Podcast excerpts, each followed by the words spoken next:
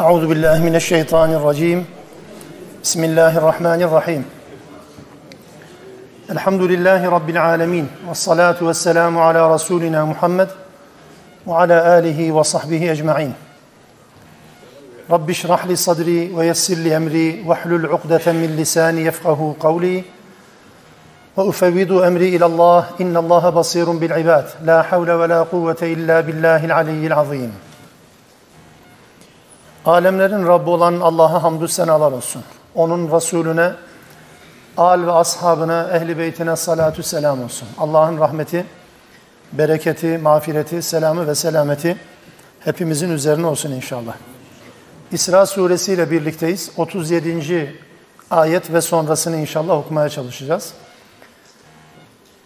Birkaç derstir Rabbimizin üzerinde durduğu, bize bildirmek istediği, bildirdiği emir ve yasaklar vardı.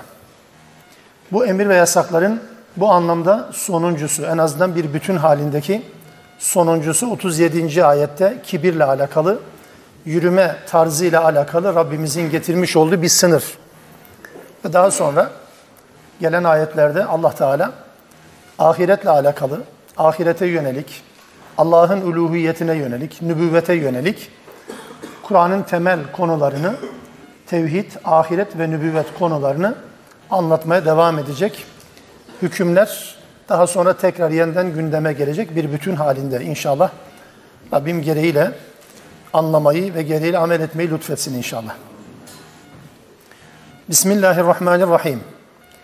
Ve la temşi fil ardı marahan. Yeryüzünde kibirlenerek, böbürlenerek yürüme. İnneke len tahrikal arda ve len teblugal cibale tuğla. Bu halinle, bu kibirli yürüyüşünle ne yeri yarabilirsin ne de dağlara erişebilirsin. Kullu zâlike. 37. ayete kadar anlatılan bütün bu kötü şeyler seyyi'uhu kâne seyyi'uhu kötü olanları bunların inde rabbike mekruha Rabbinin katında kerih görülen Rabbinizin hoş karşılamadığı şeylerdendir. Buraya kadar anlatılanların kötü olanları. Neydi onlar mesela? Geriye doğru gittiğimiz zaman ilgi alanına girmeyen bilginin peşine düşme demişti Allah Teala.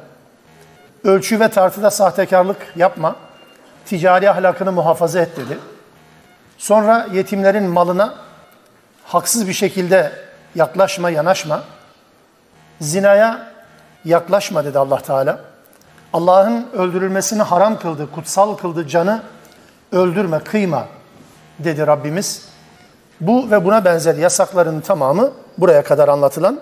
Daha önce de emirler vardı tabii ki. Bu yasaklar seyyiuhu, kötü olanları Rabbinin katında mekruhtur. Mekruhen kelimesi bizim bazen Türkçe'de de kendi aramızda kullandığımız fıkhi bir terim haline geldiği için bazen şöyle anlaşılır. Yani bir şey haram değilse mekruhsa yapılabilir anlamına değil tabii ki. Mekruh demek kerih görülen demektir. Allah'ın kerih gördüğü şey, Resulünün kerih gördüğü şey, dedemin veya nenemin kerih gördüğü şey değildir bunlar. Kerih görmek, hoş karşılamamak anlamına gelir elbette bütün bunlar. Dikkat ederseniz zinaya yaklaşmamak emredildi, söylendi. Zinanın kerih olması ya da adam öldürmenin kerih olması ya da ölçü ve tartıda sahtekarlık yapmak. Bunların tamamı mekruh olarak nitelendirilir. Fıkhi bir terim olarak elbette bu değildir. Bu 37. ayet özellikle bu konuyla ilgili insanların birey olarak, fert olarak kibir konusunda, yürüme tarzı konusunda uyarıldığı ayetlerden birisidir. Benzeri ayetler Lokman'ın ağzından onun çocuklarına, çocuğuna ve çocuklarına bizlere yönelik bir nasihat olarak da çıkar. Rahman'ın kullarının özelliği olarak da çıkar. Yürüme şekli. Yani yürümenin şeklini Allah Teala düzenler mi? Tabii ki. Böyle herkes kendi kafasına estiği gibi yürüyemez. Şeklini değiştiremez. Çevresindeki insanların farklı anlayabilecekleri, farklı bir mesaj çıkarabilecekleri bir yürüyüş tarzı meşru görülmemiştir bu yönüyle. Mesela Lokman der ki, وَلَا تُسَعِّرْ خَدَّكَ لِلنَّاسِ İnsanlara yüzünü çevirme, ekşitme, somurtma. Ve la temşi fil ardı marahan. Buradaki gibi aynen. Kibirli yürüme yeryüzünde. Havalı havalı yürüme. İnna Allah la yuhibbu kulle muhtalin fehur. Böbürlenen, kibirlenen, kendini beğenenleri Allah sevmez. Vaksıd fi meşyik. Yürüyüşünde muktesit ol. Yani nasıl yürümek gerekiyorsa öylece yürü. Bu yürüyüşün hızlı olması gerektiği de elbette hızlı. Yavaş olması gerektiği de elbette yavaş olacak. Mesele bu değil. Yürüyüşünü normal yap. İnsanlara riya empoze edecek veya riya gibi bir mesaj verecek, gösteriş gibi veya kibirli olmanı hissettirecek bir yürüyüş yürüme anlamına. Nasıl yürümek gerekiyorsa öyle. Hazreti Ömer'in yürümekte olan ve biraz mütevazilik göstergesiyle yürümekte olan birisinin yakaladığını görüyoruz. Hasta mısın diyor, hasta değilim. Hasta değilsen adam gibi yürü. Yoksa döverim seni diyor. Niye? Çünkü böyle pısırık pısırık, rol icabı böyle sanki müttaki, böyle iyi bir Müslüman görüntüsü böyle olmaz diyor. Nasıl yürümek gerekiyorsa öyledir. O yüzden vaksıt fi meşrik. Yürüyüşünde muktesid ol. Mutedil ol yani. Va'dud min sautik. Sese de karışıyor Allah Teala. Sesinde kıs, böyle bağırıp çağırma. Bağırıp çağrılması gereken de tabii ki bağırıp çağırılır. Mesele sesin düzeyiyle alakalı, tonuyla alakalı değil. Burada yani edebiyat parçalama demektir. İnne enkerel esvat ile savtul hamir. Seslerin en çirkini eşek sesidir. Boşu boşuna bağırır çağırır, hiçbir sonuç alınmaz. Bu anlamda bağırıp çağırma. Rahman'ın kullarını da Allah Teala yürüyüşle bize tanıtır. Yürüyüş. Ve ibadur, ve ibadur Rahman, Rahman'ın kulları yemşûne alel art. Yeryüzünde yürürler. Nasıl yürürler? Hevnen. Vakarlı yürürler. Olması gerektiği gibi yürürler. Ve izâ khâtabahumul cahilûn kâlü selâma. Cahillerle karşılaştığı zaman ve cahiller sataştığı zaman onlara selam deyip geçmezler. Selam deyip geçme değil bu. Cahillerle karşılaştığı zaman selam verirler. Selamı söylerler, İslam'ı anlatırlar. Cahillerle karşılaştığı zaman selam verip geçerler. Yani aldırmazlar anlamında değil. Kalü selama. Selam derler. Selam sözünü söylerler. Rahman'ın kulları yürürken vakarlı yürür. Kibirli değil bu yürüyüş. Mütevazilik göstergesi ve rolüyle bir yürüyüş de değildir. Müslümanların, fertlerin özellikle toplum olarak değil tabii ki, fert olarak yaş içinde yaşadığımız toplumda Müslümanlarla birlikte yaşarken zaman zaman bu tür kusurların tepreştiğini, gündeme geldiğini, açığa çıktığını görebiliyoruz. Bu ciddi anlamda bir ahlaki zaaf. Ciddi anlamda bir ahlaki zaaf. Mesela Allah Resulü bunun ne kadar şiddetli ve ne kadar ağır bir suç olduğunu şu hadisleriyle ifade eder. Kalbinde zerre kadar kibir bulunan kimse cennete giremezler. Bunu söylediği zaman ashab-ı kiramdan Allah Resulüne şöyle sordular. Ya Resulallah insan elbisesinin, ayakkabısının güzel olmasını ister. Sahabe ne anladı şimdi? Allah Resulü'nün güzel giyinmenin kibir olduğunu söylediğini zannettiler. Bunu sever ya Resulallah bu fıtrattadır yani dedi. Acaba farklı bir şey mi dedi? Allah Resulü dedi ki elbette Allah güzeldir, güzeli sever. Giyiniş niyetiniz vesaire tabii tartışılır fakat güzel giyinmek hiçbir zaman kibirle özdeşleştirilmez. Güzel giyinmek, şık giyinmek kibrin alameti olarak nitelenmez. Bu tamamen ayrı bir konu. Kibir nedir? Hakkı inkar etmektir ve insanları küçük görmektir. Ye kürküm ye modeliyle, kürkünle, üzerindeki elbisenle, kumaşın kalitesiyle aldığın işte elbisenin üzerinde, arkasında, önünde, şurasında, burasındaki markasını insanlara göstermek suretiyle kendini marka giyiniyorum, diğerlerini küçümsemek anlamında. Kibir budur. Kibir güzel giyinmek değildir. Sahip olduğu giysiyi yani kaportayı üstünlük aracı, meziyet olarak sunma anlayışıdır. Yoksa güzel giyinmeye kibir nitelenmesini yapmıyor Allah Resulü. İyi ki de sahabe sormuş bunu. Böyle değil dedi. Kibir insanları hakir görmektir, küçük görmektir, kendini onlardan üstün görmeye çalışmasıdır. Yine aynı şekilde bu konuyla ilgili Allah Resulü şöyle bir hatırlatmada da bulunur. Sizden önceki kavimlerden bir adam kendisini beğenmiş. Elbisesinin içerisinde kibirli kibirli yürürken Allah onu yere batırmış ve o kıyamet gününe kadar yere batmaya devam edecektir. Bu işin ne kadar vahim olduğunu, işin ne kadar e, tehlikeli bir sonuca götürdüğünü hatırlatması bakımından önemli. Kıyamete kadar adeta işlediği suçu tekerrür ede ede kıyamete kadar aynı işi yaşaya yaşaya devam edecek ve batmaya devam edecek ta ki diriliş gününe kadar. Bu çok tehlikeli bir ahlaki zaaftır. Dışarıdan birilerinin itham etmesiyle alakalı değil. Standardını bazen kaçırabiliriz bunu. Haddim olmayarak bunu da söyleyeyim. Yani birisi birisinin kibirli olduğunu tespit edemez. O insanın kendi iç dünyasında bilinir. Herkesin farklı bir yürüyüş tarzı var. Yürüyüş tarzına bakarak bu adam kibirli yürüyor değil.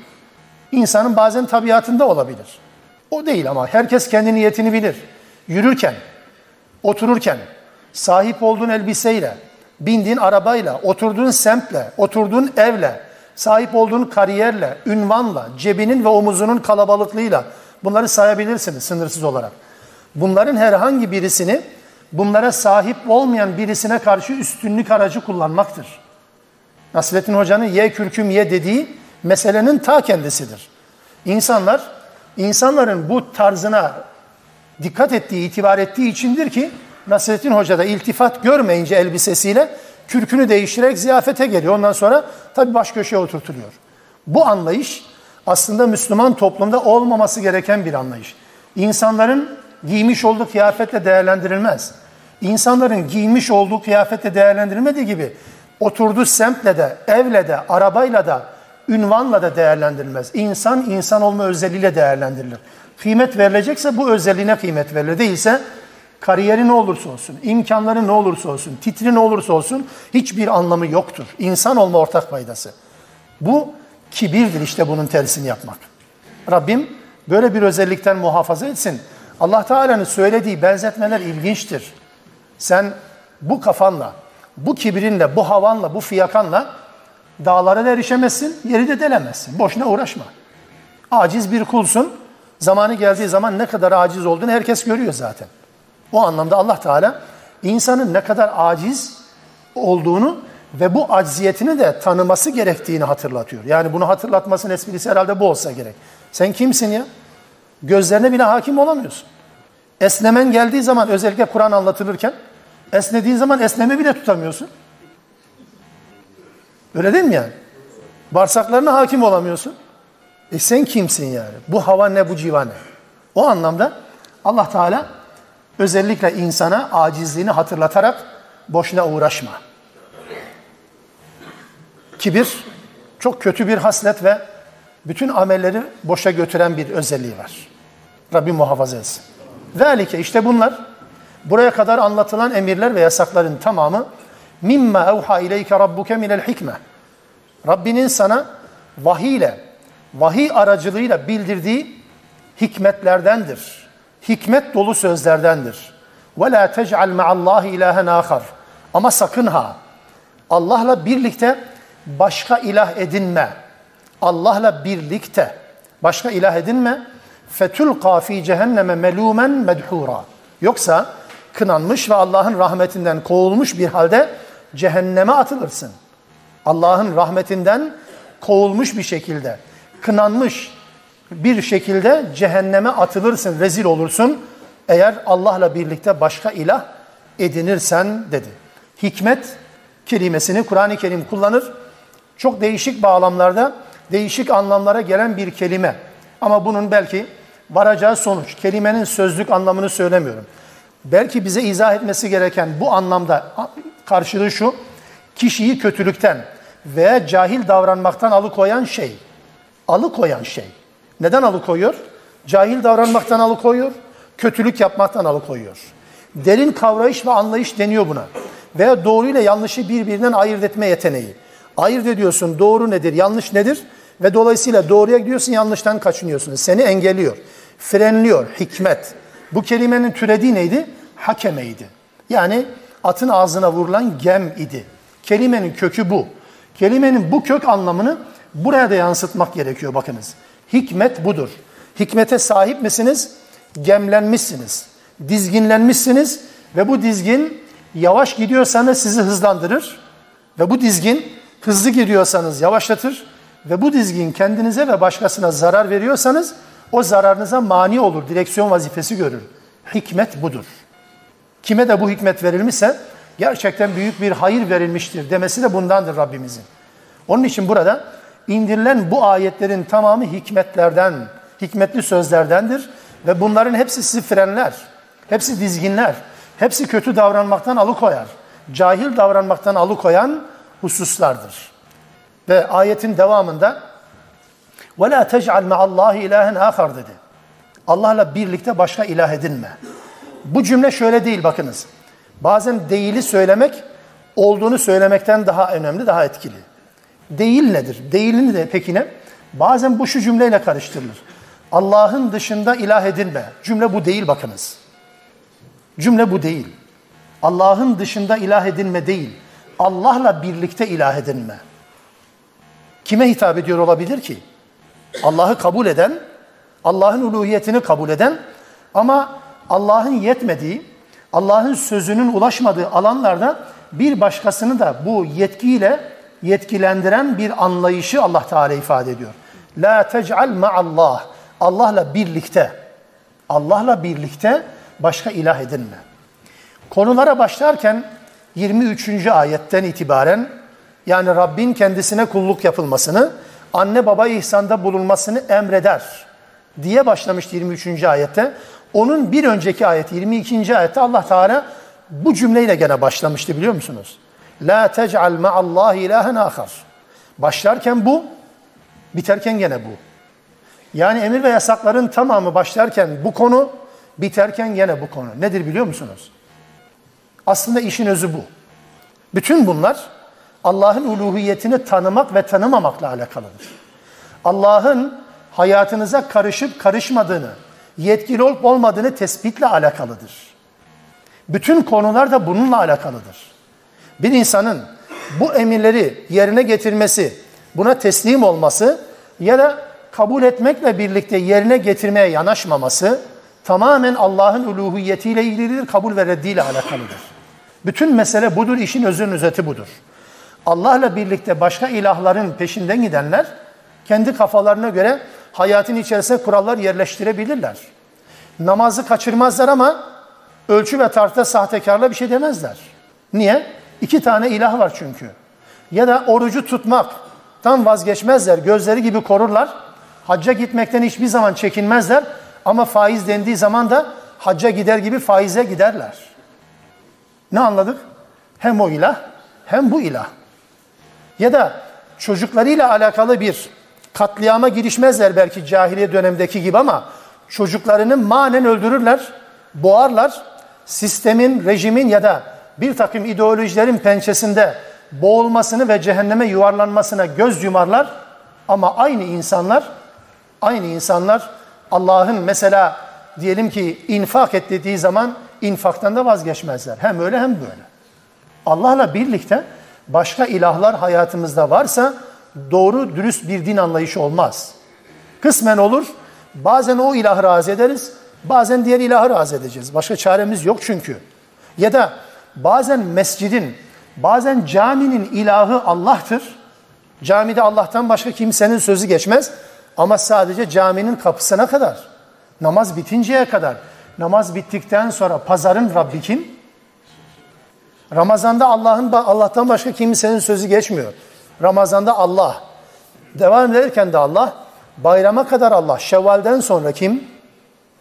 Bu Allah'la alakalı yanlış tasavvurumuzun Kur'an tarafından sıklıkla eleştirilmesinden ibaret bir konu kardeşler.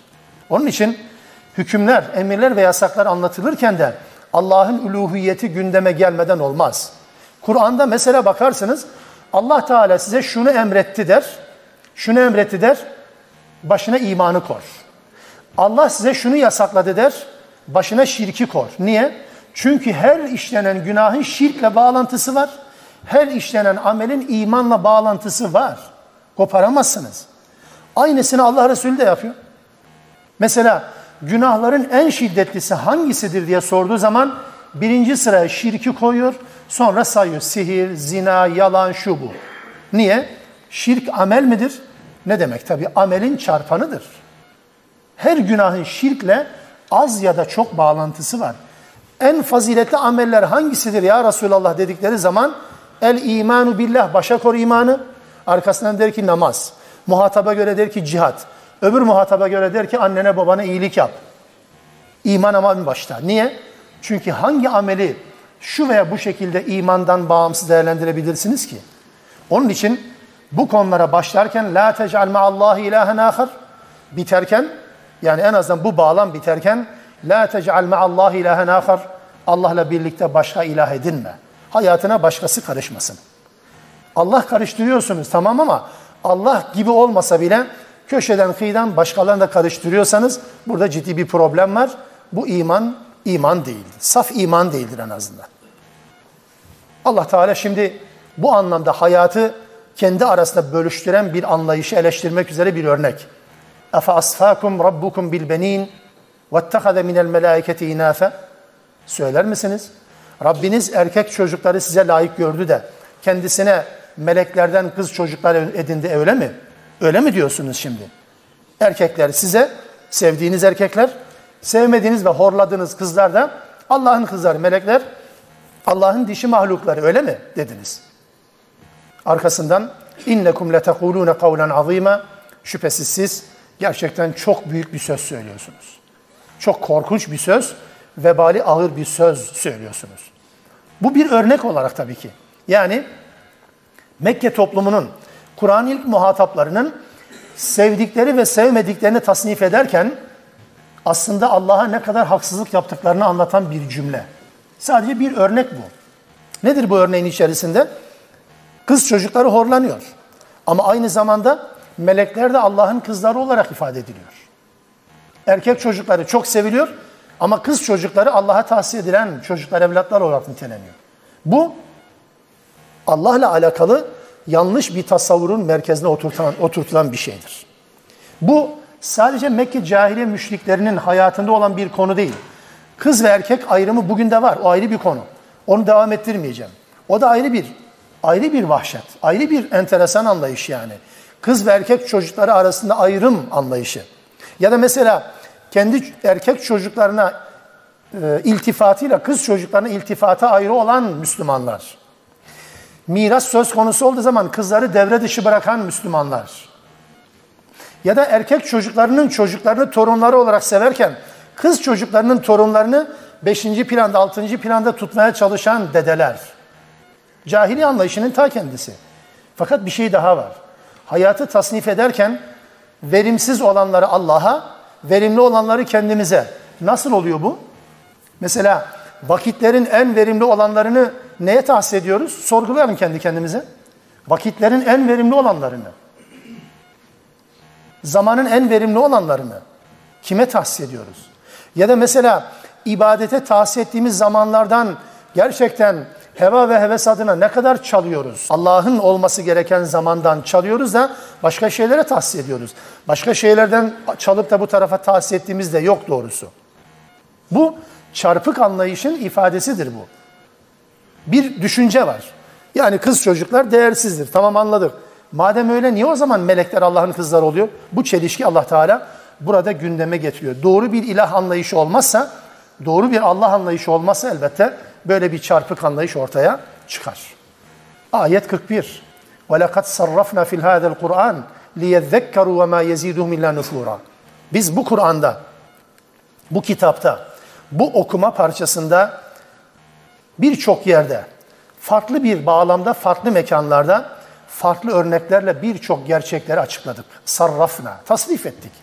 Niçin? لِيَذَّكَّرُوا Bazen bunu düşünsünler diye tercüme ederiz. Düşünmek tefekkürdür. Tefekkür düşünmektir. Ta'kilun olsa akletmektir. Ama yezzekkeru bu da aynı şekilde düşünmek mi? Ya düşünmek değil, tefekkür değil bu. Mesela hutbelerde her cuma hutbede okunan ifadeler leallekum leallekum tezekkerun düşünesiniz diye. Düşünesiniz diye değil. Leallekum tefekkerun değil o. Leallekum tezekkerun tezekkür etmek. Tezekkür etmek burayla kafayla alakalı veya Allah'ın ifadesiyle kalple alakalı gündemde tutmaktır. Tezekkür. Arapçada hatıraya, hatıra dediğimiz kelime Arapçada zikrayat diye ifade edilir. Zikrayat. Zikrayat hatıralar, anılar, anekdotlar yani. Niye? Gündemde tutulan şeylerdir. لَعَلَّهُمْ لَعَلَّكُمْ تَذَكَّرُونَ Gündemde tutasınız ya Allah bunları bunları söylüyor size. Burada da böyledir. Biz Kur'an'da bunları açıkladık. Niçin? لِيَذَّكَّرُوا Gündemde tutulsun diye. Gündemde tutulsun. Gündem maddesi oluştursun. Ama gel görün ki böyle değil.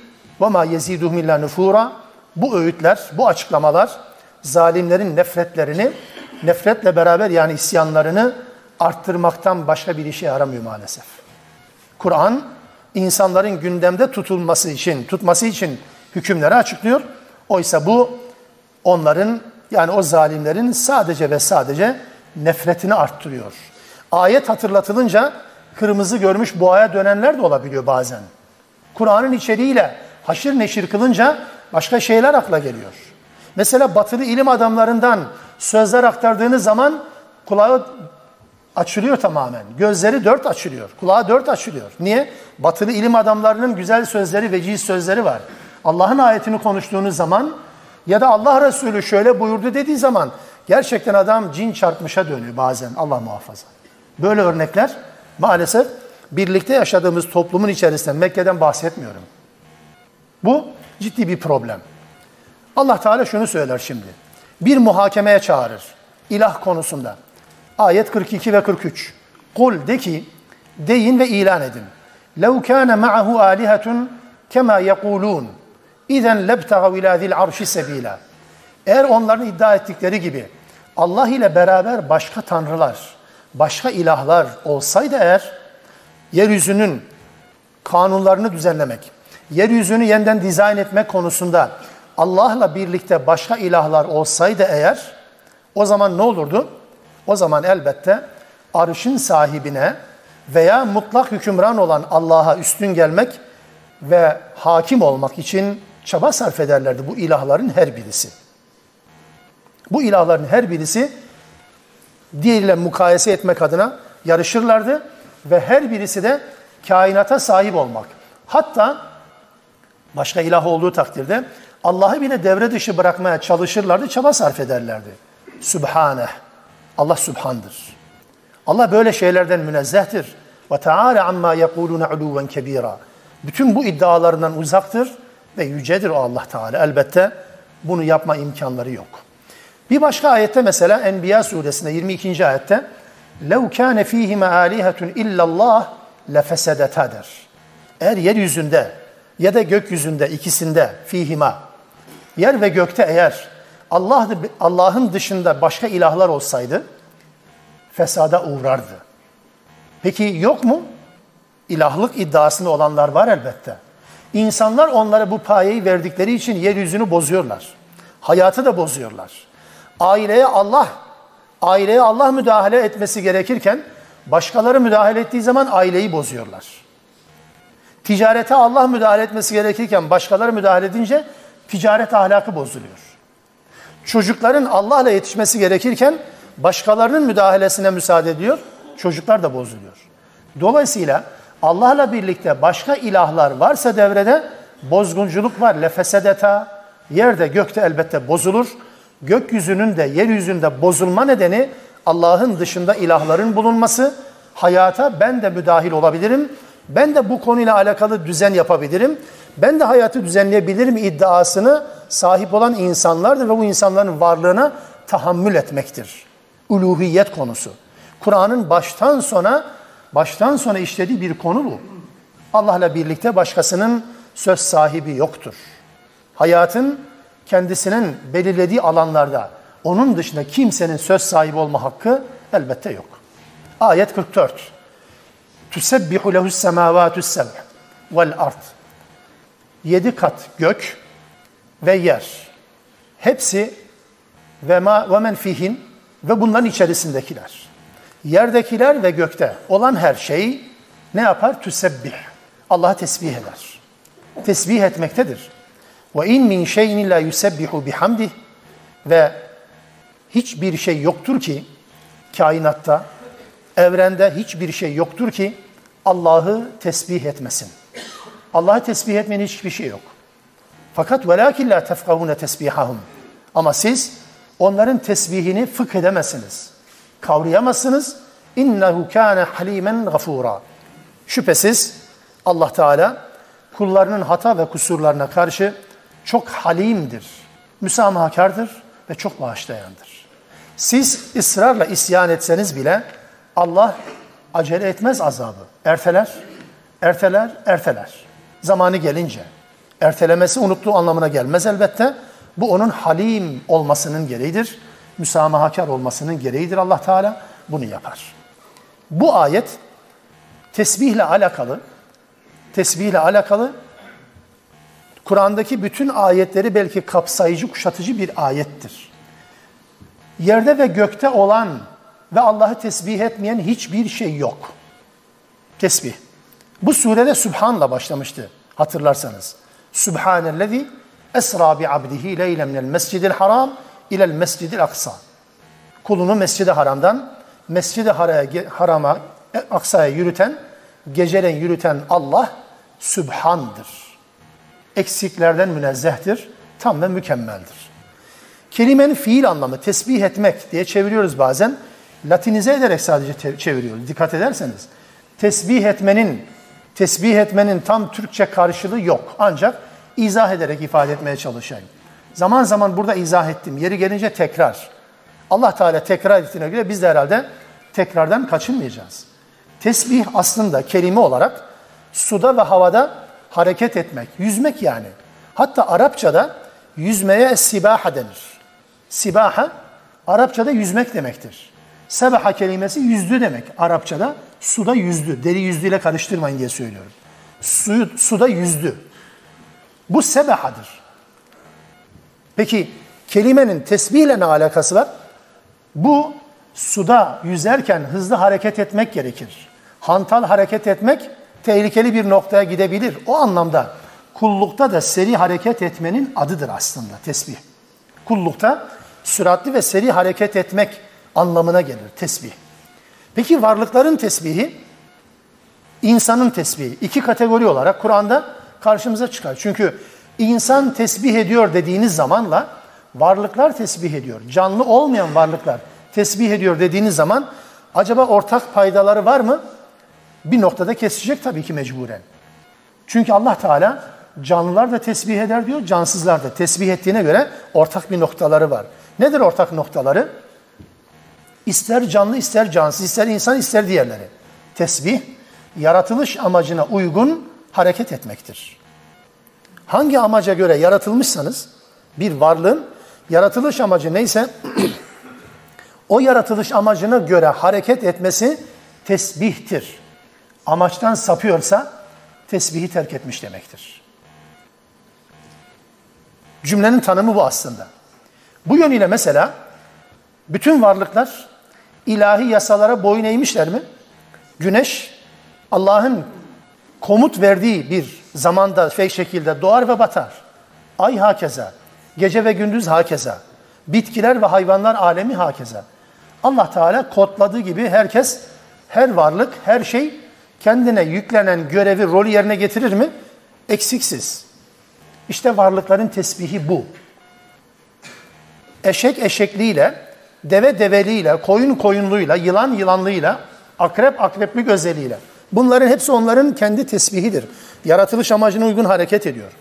İnsan da tesbih eder demek, yaratılış amacına uygun hareket eder. Eder dedikten sonra bir de soru işareti koymamız lazım değil mi? Acaba eder mi gerçekten? Maalesef.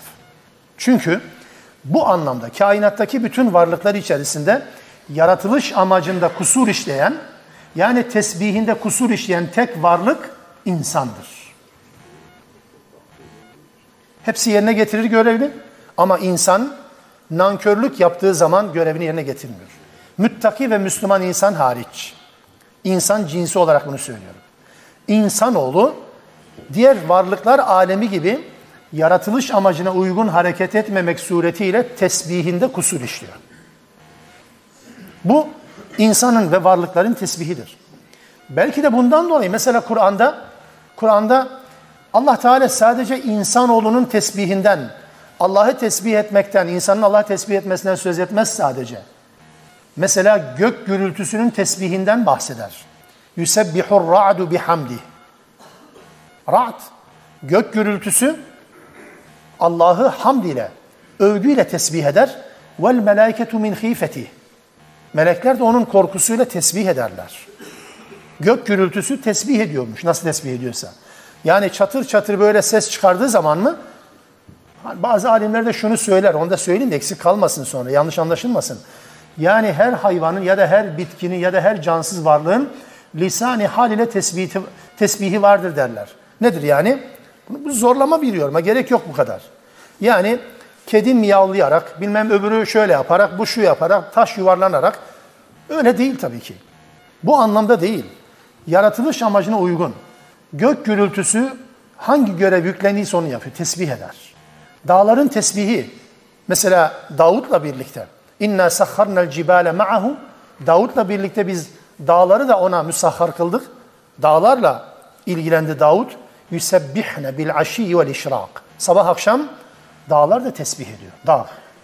Kuşların tesbihinden bahsediyor mesela Nur suresinde. Elem tara ennallâhe yusebbihu lehu men fis semâvâti vel ard ve tayru safat. Hiç düşünmediniz mi? Anlamadınız mı?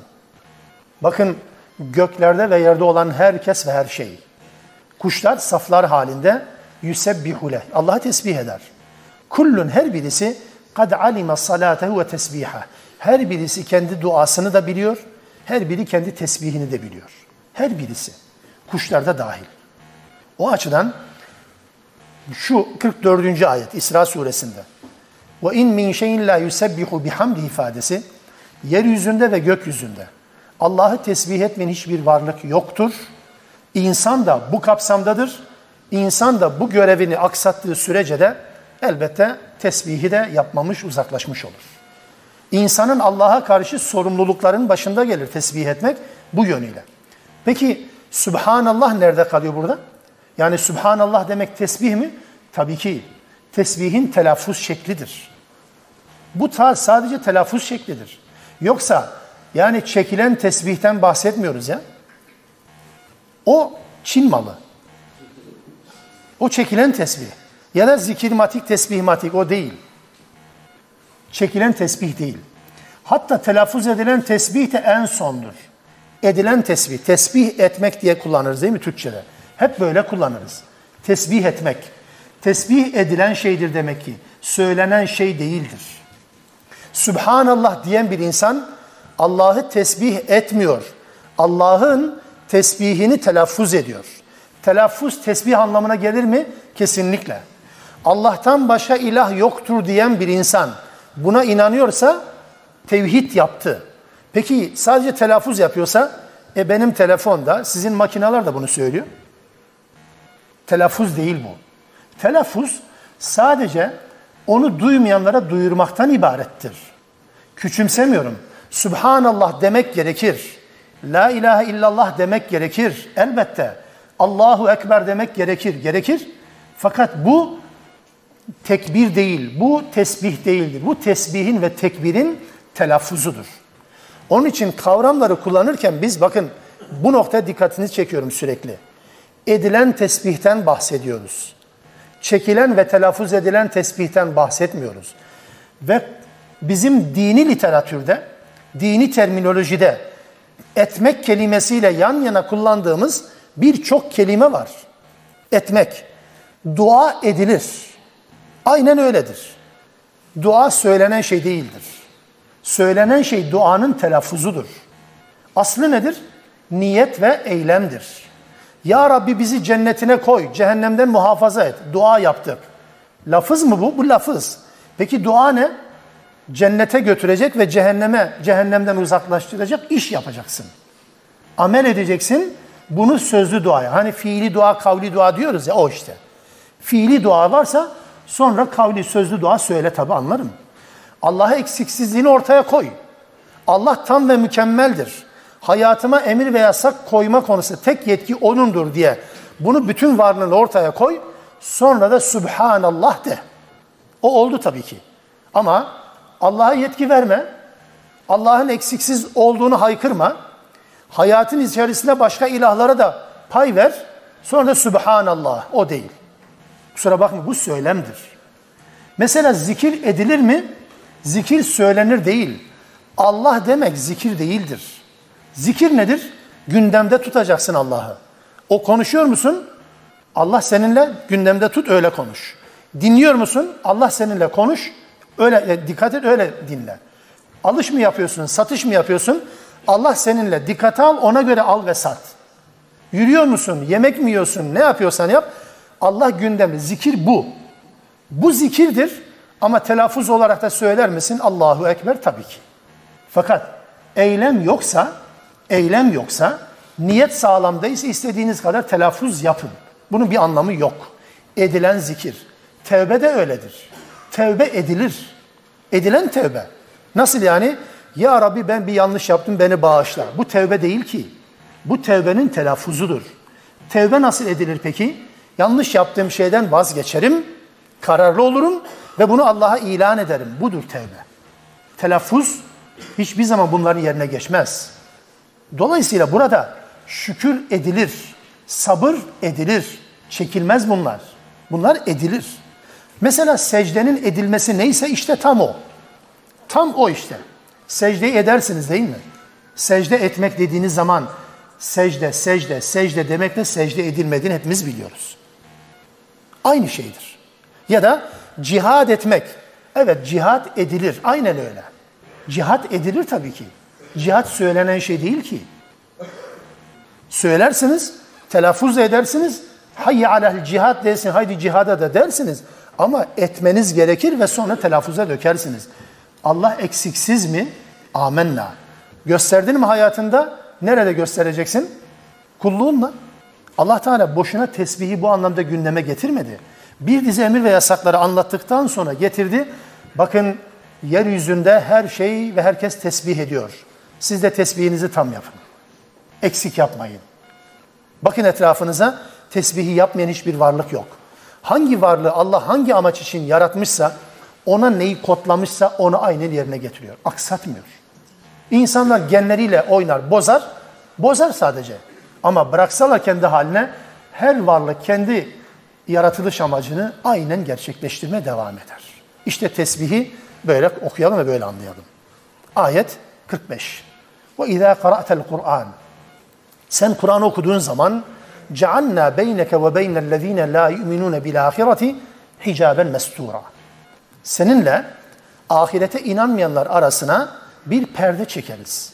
Bir perde. Nasıl bir perde yani? Bu perdenin şekli şu. وَجَعَلْنَا عَلَى قُلُوبِهِمْ اَكِنَّ Onların kalplerine bir perde gereriz. Ekinle, kılıf. En yefkahu onu anlamalarına engel olacak. Ve fi azanihim vakra. Kulaklarına da bir tıkaç. Dinlemelerini ve konuşmayı, dinlemeyi engellemek üzere bir ağırlıklar, tıkaç yerleştiriniz. Ve izâ zekerte rabbeke fil Kur'ani vahde. Kur'an'da sadece Allah dediğin zaman, sadece Allah'ın kurallarını dinle, gündeme getirdiğin zaman vellev ala edbârihim nüfûrâ. Sadece Allah deyince başkaları Allah'ın yanına getirilmeyince bu tür insanlar arkalarını dönüp kaçarlar. Sadece Rabbinden söz ettin diye nefretle yüz çevirip giderler. Kur'an okunduğu zaman böyleleri var. Kimler bunlar? Ön yargılı kimseler. Ahirete inanmayan insanlar. Mesela bunu Allah Teala böyle ifade eder. Fussilet suresinde de onların bu anlamdaki itiraflarını aynı cümlelerle hatırlatır. Vakalu derler ki kime? Aleyhissalatu vesselamın tarihsel anlamda o şartlarda onlara Kur'an okuduğu sırada söyledikleri bir cümle. Kulubuna fi ve kalu kulubuna fi ekinnetin. Kalplerimiz kılıflı, perdeli. Mimma ted'una ileyh. Senin bize davet ettiğin şeylere karşı perdeli kalplerimiz. Ve fi adanina vakran. Aynı cümle. Kulaklarımızda tıkaç var. Ve min beynine ve beyneke hicab. Bizimle senin aranda bir hicab, bir perde var. Yani alışveriş yapamıyoruz. Fe'amel innene amilun. Peygamber'e meydan okuyor kendilerince. Sen de çalış çabala, biz de çalışıp çabalayı. Göreceğiz bakalım gün kimin günü olacak. Burada özellikle Kur'an'a ilgi göstermemenin, Kur'an'la gerçek anlamda ilgilenmemenin nedenini Allah Teala açıkça birçok yerde olduğu gibi burada da ahirete inanmamaya bağlıyor. İnanmamaya bağlıyor. Bir insanın ahiretle alakalı problemi varsa Kur'an'la ilgilenmeye tenezzül etmeyecektir. Ya da bir insan Kur'an'la ilgilenmeye tenezzül mü etmiyor? Bilin ki ahiretle alakalı bir hesabı yok. Sonuç bu. Kur'an'la ilgilenen ve ilgilenmeyenlerin durumu bundan ibarettir. Ahirete inanmıyorsa, hesabı yoksa tabii ki inanmayacaktır. Peki Kur'an okuduğun zaman sadece Rabbin zikredildi diye niye kaçıyorlar? Çünkü az önce dedik ya 22. ayette ve sonra 38. 39. ayette tekrar söylendi. Ne dedi Allah Teala? La tec'al ma'allah ilahen ahir. Allah'la birlikte başka ilah edinme. Burada başka ilahları da yanına koymadığın zaman sadece Allah böyle buyuruyor dediğin zaman insanlar bazen sinirlenebilir. Dün müşriklerin özelliğiydi bu. Ağır olacak ama söyleyeceğim. Bugün aynı şeyi Müslüman olduğunu söyleyen insanlar var. Aynısını. Allah şöyle buyuruyor. Resul şöyle buyuruyor dediğiniz zaman çok tatmin olmayanlar var. Aklıma uygun hale getir. ikna etmeye çalış beni diyen, bekleyen insanlar var. Ya da batılı bir insanın sözlerini Allah Resulü'nün sözlerine tercih edenler var. Bir faninin herhangi bir insanın sözünü Allah Resulü'nün sözüne tercih edenlerin olduğu bir dünyada yaşıyoruz. Müslümanlar arasında. Batıya, kafire, müşriklere falan gitmiyorum. Bu ciddi bir tehlike. Sadece Allah dediği zaman niye rahatsız oluyor insanlar? Sadece Allah Resulü böyle buyurdu dediği zaman niye rahatsız oluyor insanlar? Allah'tan ve Resul'den başkası yok mu diyecek noktaya geliyorlar. Evet yok. Hayatı dizayn etme noktasında başka yetkili kimse yok. Vardır diyenler imanlarını gözden geçirmek durumunda olan kimselerdir. Onun için burada Kur'an'da sadece Rabbini zikrettiğin zaman birileri kaçar. Birilerinin hoşuna gitmeyebilir. Yanına neyi koyacaksın? Onların gönüllerini, duygularını okşayacak insanların düşüncelerini koyacaksın. Allah böyle dedi, bir de böyle dedi. Hatta bazen şöyle çarpık bir anlayış da var mı? Çok karşılaşıyorum. Allah'ın sözlerinin doğruluğunu batılıların sözleriyle ortaya koymaya çalışan saflar da var. Allah'ın doğru söylediğini ispatı Batılıların bu konuyla alakalı söyledikleri üzerinden. Böyle enteresan bir anlayış var. Bu din değil kardeşlerim. Onun için burada sadece Rabbin zikredildiği zaman kaçan insanlara atıfta bulunması Mekke'ye bizi götürmesin. Yaşadığımız dönemde de benzerleri var. Peki Kur'an okunduğu zaman insanlar niye kaçıyor? Niye inkar edenler neden firar ediyorlar? Yüz çeviriyorlar? Ben şöyle bir kanaate vardım. Paylaşmak isterim. Kur'an'ın inkar edenlerin kaçmalarına neden olması, inkar edenlerin anladıkları ve etkilendiklerinin işaretidir. Kur'an böyle bir kitap olmalı. İnkar edenler bile kaçabilmeli. Anlatabiliyor muyum acaba? İnkar edenler, Kur'an'a karşı sevgi beslemeyenler de Kur'an okunduğu zaman bir tepkileri olmalı. Ölü gibi olmamalı. Eğer böyleyse inkarcılar okuduğunuz Kur'an'dan etkilenmiyorlarsa, itiraz yoksa, kaçış zaten yoksa sizin okuduğunuz Kur'an'da bir numara yok demektir. Allah Resulü'nün okuduğu Kur'an iman edenleri etkiliyor söylemeyeceğim. Ama inkar edenler üzerindeki etkisi enteresan. Mesela Abdullah bin Mesud Rahman suresini okudu Mescid-i Haram'da. İlk belki o okudu ve kan revan içerisine döndü. Rahman suresini okudu diye. Putlarını yıkmadı. Rahman suresini okudu diye. Çünkü okuyuş okuyana göre de tabii ama aynı zamanda okunan metne göre de değişir. Etkiliydi ve onu dövmeyi gerektirecek kadar onların nefretini arttırdı. Okudunuz mu? Okunması gereken şekil bu. İnkarcılar eğer sempati duyuyorsa sizin okuduğunuzda bir numara yok demektir. Ya da mesela Hazreti Ömer peygamberi öldürmeye giderken bir bakıyorsunuz Taha suresiyle yüzleşiyor. Bir rivayete göre Taha suresini dinliyor ve Taha suresini dinleyince eriyor kendinden geçiyor. Taha suresi. E biz de okuyoruz. Ne hiç etkilenmiyor ki? Peygamberi öldürmeye gidecek kadar gözü dönmüş olan bir insanın Taha suresiyle dirilmesinden söz ediliyor. Ya da mesela hayatı boyunca peygamberle mücadeleyi hayatın ilkesi haline getirmiş Utbe bin Rebi'a. Bir grubun temsilcisi olarak Allah Resulüne gidiyorlar. Allah Resulü ile pazarlık yapmak adına yani yaptığı işten vazgeçmesi için her gün çerçeve geri çember gelişiyor. Müslümanların sayısı artıyor. Dolayısıyla bunu kırmak adına peygamberle pazarlığa gönderiyor Utbe bin Rebia'yı. Ya Muhammed gel bu işten vazgeç. Para istiyorsan, mal istiyorsan, kadın, yönetim ne istiyorsan hepsine varız. Sadece bu işten vazgeç. Bitti mi söyleyeceklerin dedi. Bitti dedi. O zaman sen beni dinle. Fussilet suresini okudu. Tebareke'yi, Yasin'i falan okumadı. Fussilet'i okudu. O zaman öyle inmiş. Fussilet suresini okudum ve şu ayete geldi. Fe in aradu fakul enzertukum sa'ikaten misle sa'ikati adin ve semud. Eğer yüz çevirirlerse, eğer senin bu davetinden yüz çevirirlerse, vazgeçerlerse, aldırmazlarsa onlara de ki ben sizi Ad ve Semud'un başına gelen bir felaketle uyarıyorum. De. Ve bunu okudu. Ve dinliyor. Fussilet 1, 2, 3, 13. ayete geldi. Tam Allah Resulü bu cümleyi okurken Utbe bin Rebi'ye peygamberin mübarek ağzını kapattı. Yeter dedi. Ve tüylü gitti oradan. Bekleyenlere gitti. Tabii renk atmış. Gitti dedi ki Vallahi bu adamı şimdiye kadar yalan söylediğini duymadık. Bu adam diyor ki Ad ve Semud'un başına gelen sizin de başınıza gelecek. Bu tehlikeli bir şeyden bahsediyor. Ne oldu sen de mi iman ettin? Elçi olarak gitmişti. Yanlış yaptılar demek ki düşündüler. Yok yok iman etmedim fakat bu adamın söyledikleri bir tuhaf dedi. Duramadı. Müşrik. Bu adam öylece de öldü. Niye Kur'an'dan etkilendi ki böyle? Efendim Arap, Araplığına mı bağlayacaksınız sadece? Diyelim ki Türkçesini okuduğunuz zaman da gene insanlar umursamıyorsa cidden bizim okuduğumuz Kur'an'la alakalı bir problemimiz var. Mesela Allah Resulü şunu söyler. Bir karşılaştırma yapılsın diye. Diyor ki Allah Resulü mesela ezan okunduğu zaman ezanın lafızlarının duyulduğu yere kadar şeytan kaçar. Ben de diyorum ki ya Resulallah o eskidendi ya. Şimdi yok ki. Hoparlöre bağladık gene yok. Aslında hiç yanaşmaması lazım.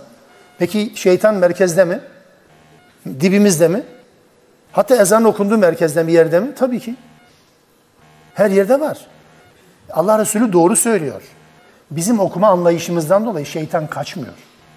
Anlatabiliyor muyum? Yani etkileyici bir şekilde olmadığı zaman olmaz. Ramazan gelince, Ramazan ayı gelince şeytanlar bağlanır. Bağlanır mıydı? Bağlanıyor mu gerçekten? İftara 10 dakika 20 dakikala trafikte bir görün. Şeytan bağlanıyor? Bağlanmıyor öyle. Yok. Şeytan mesai arttırıyor tam tersine.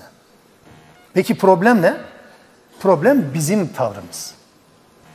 Evet Allah'ın Resulü Kur'an okurken niçin okuduğunu ve hangi amaca yönelik okuduğunu çok iyi biliyordu. Muhataplar da bunun farkındaydı. Okunan Kur'an onları kaçırıyordu. Şimdi Allah Teala diyor ki biz onların kalplerine bir kılıf koyduk ya da kulaklarına bir tıkaç, bir engelleyici şey koyduk. Bu ifadeleri Allah Teala hep kendine ifade etti, kendine isnat etti. Yani bunları koyan Allah. Cümle öyle geçer. Kur'an'ın üslubu budur. Aslında bunun faili yani öznesi Allah mı? Anladığımız kadarıyla böyle değil. Yani eğer böyleyse o zaman insan rüzgarın önündeki bir yaprak gibi bütün fatura Allah'a ait. Yani yanlışı yaptıran Allah'sa Allah da bunun hesabını sormaması lazım. Öyle mi? Kur'an'ın böyle bir üslubu var. Bakın şöyle diyeyim. Kur'an Allah ile insan ilişkisini anlatırken insanın bütün yeteneklerini bunu doğru anlamaya çalışalım diye birkaç cümleyle söyleyeceğim. İnsanın bütün yeteneklerini görme, anlama, kavrama, yürüme, tutma bütün yeteneklerini kullanmayı Allah Teala lütfetti mi? Bunda ihtilaf yok. Hepsini Allah Teala lütfetti biz kullanırız. Bu yetenekleri kullanırken doğru da yapabiliriz, yanlış da yapabiliriz. Peki doğru yaptığımız zaman fail gene Allah. Niye? Çünkü o yetenekleri kullanmamıza fırsat verdi. O yetenekler bizim gibi görünüyor ama aslında onları kullanma gücünü yaratan, veren Allah'tı. Fail Allah, özne Allah. Diyelim ki bu yetenekleri, duyu organlarını başka bir yerde, kötü yerde kullandık. Allah Teala Kur'an'da yine fail kendisi olarak tanıtır. Neden? Çünkü o yanlışı yaparken Allah gözünü kör etmedi. Elini çolak yapmadı. Ayağını kötürüm yapmadı. Kulaklarını sağır etmedi. Aklını gidermedi. Hepsine imkan verdi. Verdiyse fail kim? Allah. Özne Allah'tır. Kur'an'ın üslubu budur. Yani şöyle demiyor Allah Teala bakın. Allah Teala dileseydi aslında kötülük yapmak isteyenlerin kötülüklerine engel olabilir miydi isteseydi? Engel olurdu. Ama olmadı. E isteseydin engel olurdun ya Rabbi niye engellemedin diye soruyoruz. Allah diyor ki ben engel olmam. Bunu ben yaptırmanıza yapmanıza müsaade ederim. Dolayısıyla aslında dolaylı olarak konu nedir? Kötülüğü bana yaptıran Allah'tır. Bu. İyilik de hakeza böyledir. Ama herkes yaptığından da sorumlu iyi veya kötü olarak. Kur'an'ın cümle kuruluşu bundan ibarettir. İyi ve bütün, kötü bütün eylemlerin yapanı, faili, öznesi insan ama bu imkanı, fırsatı veren Allah olunca Kur'an üslubunda bu böyle anlatılır. Şu cümle unutulmasın lütfen. وَمَا يُضِلُّ بِهِ اِلَّا الْفَاسِقِينَ Kitabın daha başlangıcında Bakara'nın 26. ayetinde daha sonra gelecek olan bütün buna benzer cümleleri bu cümleyle birlikte değerlendirmemiz gerekiyor. وَمَا يُضِلُّ بِهِ اِلَّا الْفَاسِقِينَ Allah fasıklardan başkasını saptırmaz. Bu cümle noktadır. Allah fasıklardan başkasını saptırmaz. Allah saptırdı gibi okuduğunuz bütün cümleleri bu cümle çerçevesinde okuyun. Allah saptırır evet ama fasıklardan başkasını saptırmayacaktır. İnsanlar fasık olduysa, yoldan çıktıysa, itaatten çıktıysa Allah da onları saptırır. Allah onu engellemez. Allah'ın böyle bir yasası yok. Dolayısıyla saptıran Allah, hidayete erdiren Allah, mühürleyen Allah, kalplere perde çeken, gözlere kulaklara perde çeken Allah'tır demek. Yani insanlar bu süreci yaşarlar. Allah Teala bu sürecin kolaylaşmasına zemin hazırlar. Leyl suresine iki kelime peş peşe söylenir. Leyl suresi. Zaten yarım sayfa okursanız zaten anlaşılır o. Fesen yessiruhu lil yusra, fesen yessiruhu lil usra. Şunu şunu yapanlara biz kolaya yönlendiririz. Şunu şunu yapanlara da biz zorluğa yönlendiririz. Yani cennete yönlendiririz kolay, öbürüne cehenneme yönlendiririz. Kim şunu şunu yaparsa. Herkes kendi ameline göre Allah Teala yol açar. Girdiniz mi bir yola? Şeytanın yoluysa Allah Teala kapatmaz onu açar. Rahman'ın yoluysa gene kapatmaz gene açar. Konu bu. Yoksa Allah Teala insanların duyu organlarını etkisiz hale getirmekle onların Kur'an'ı engelleme, Kur'an'ı dinlemelerini engellemedi. İnsanlar bu süreci kendileri yaşatıyor. Yapıyor Allah da son noktayı koymuş oluyor. Rabbim doğrudan ayırmasın inşallah. Subhaneke Allahümme bihamdik. Eşhedü en la ilahe illa ente estağfiruk ve etubu ileyk.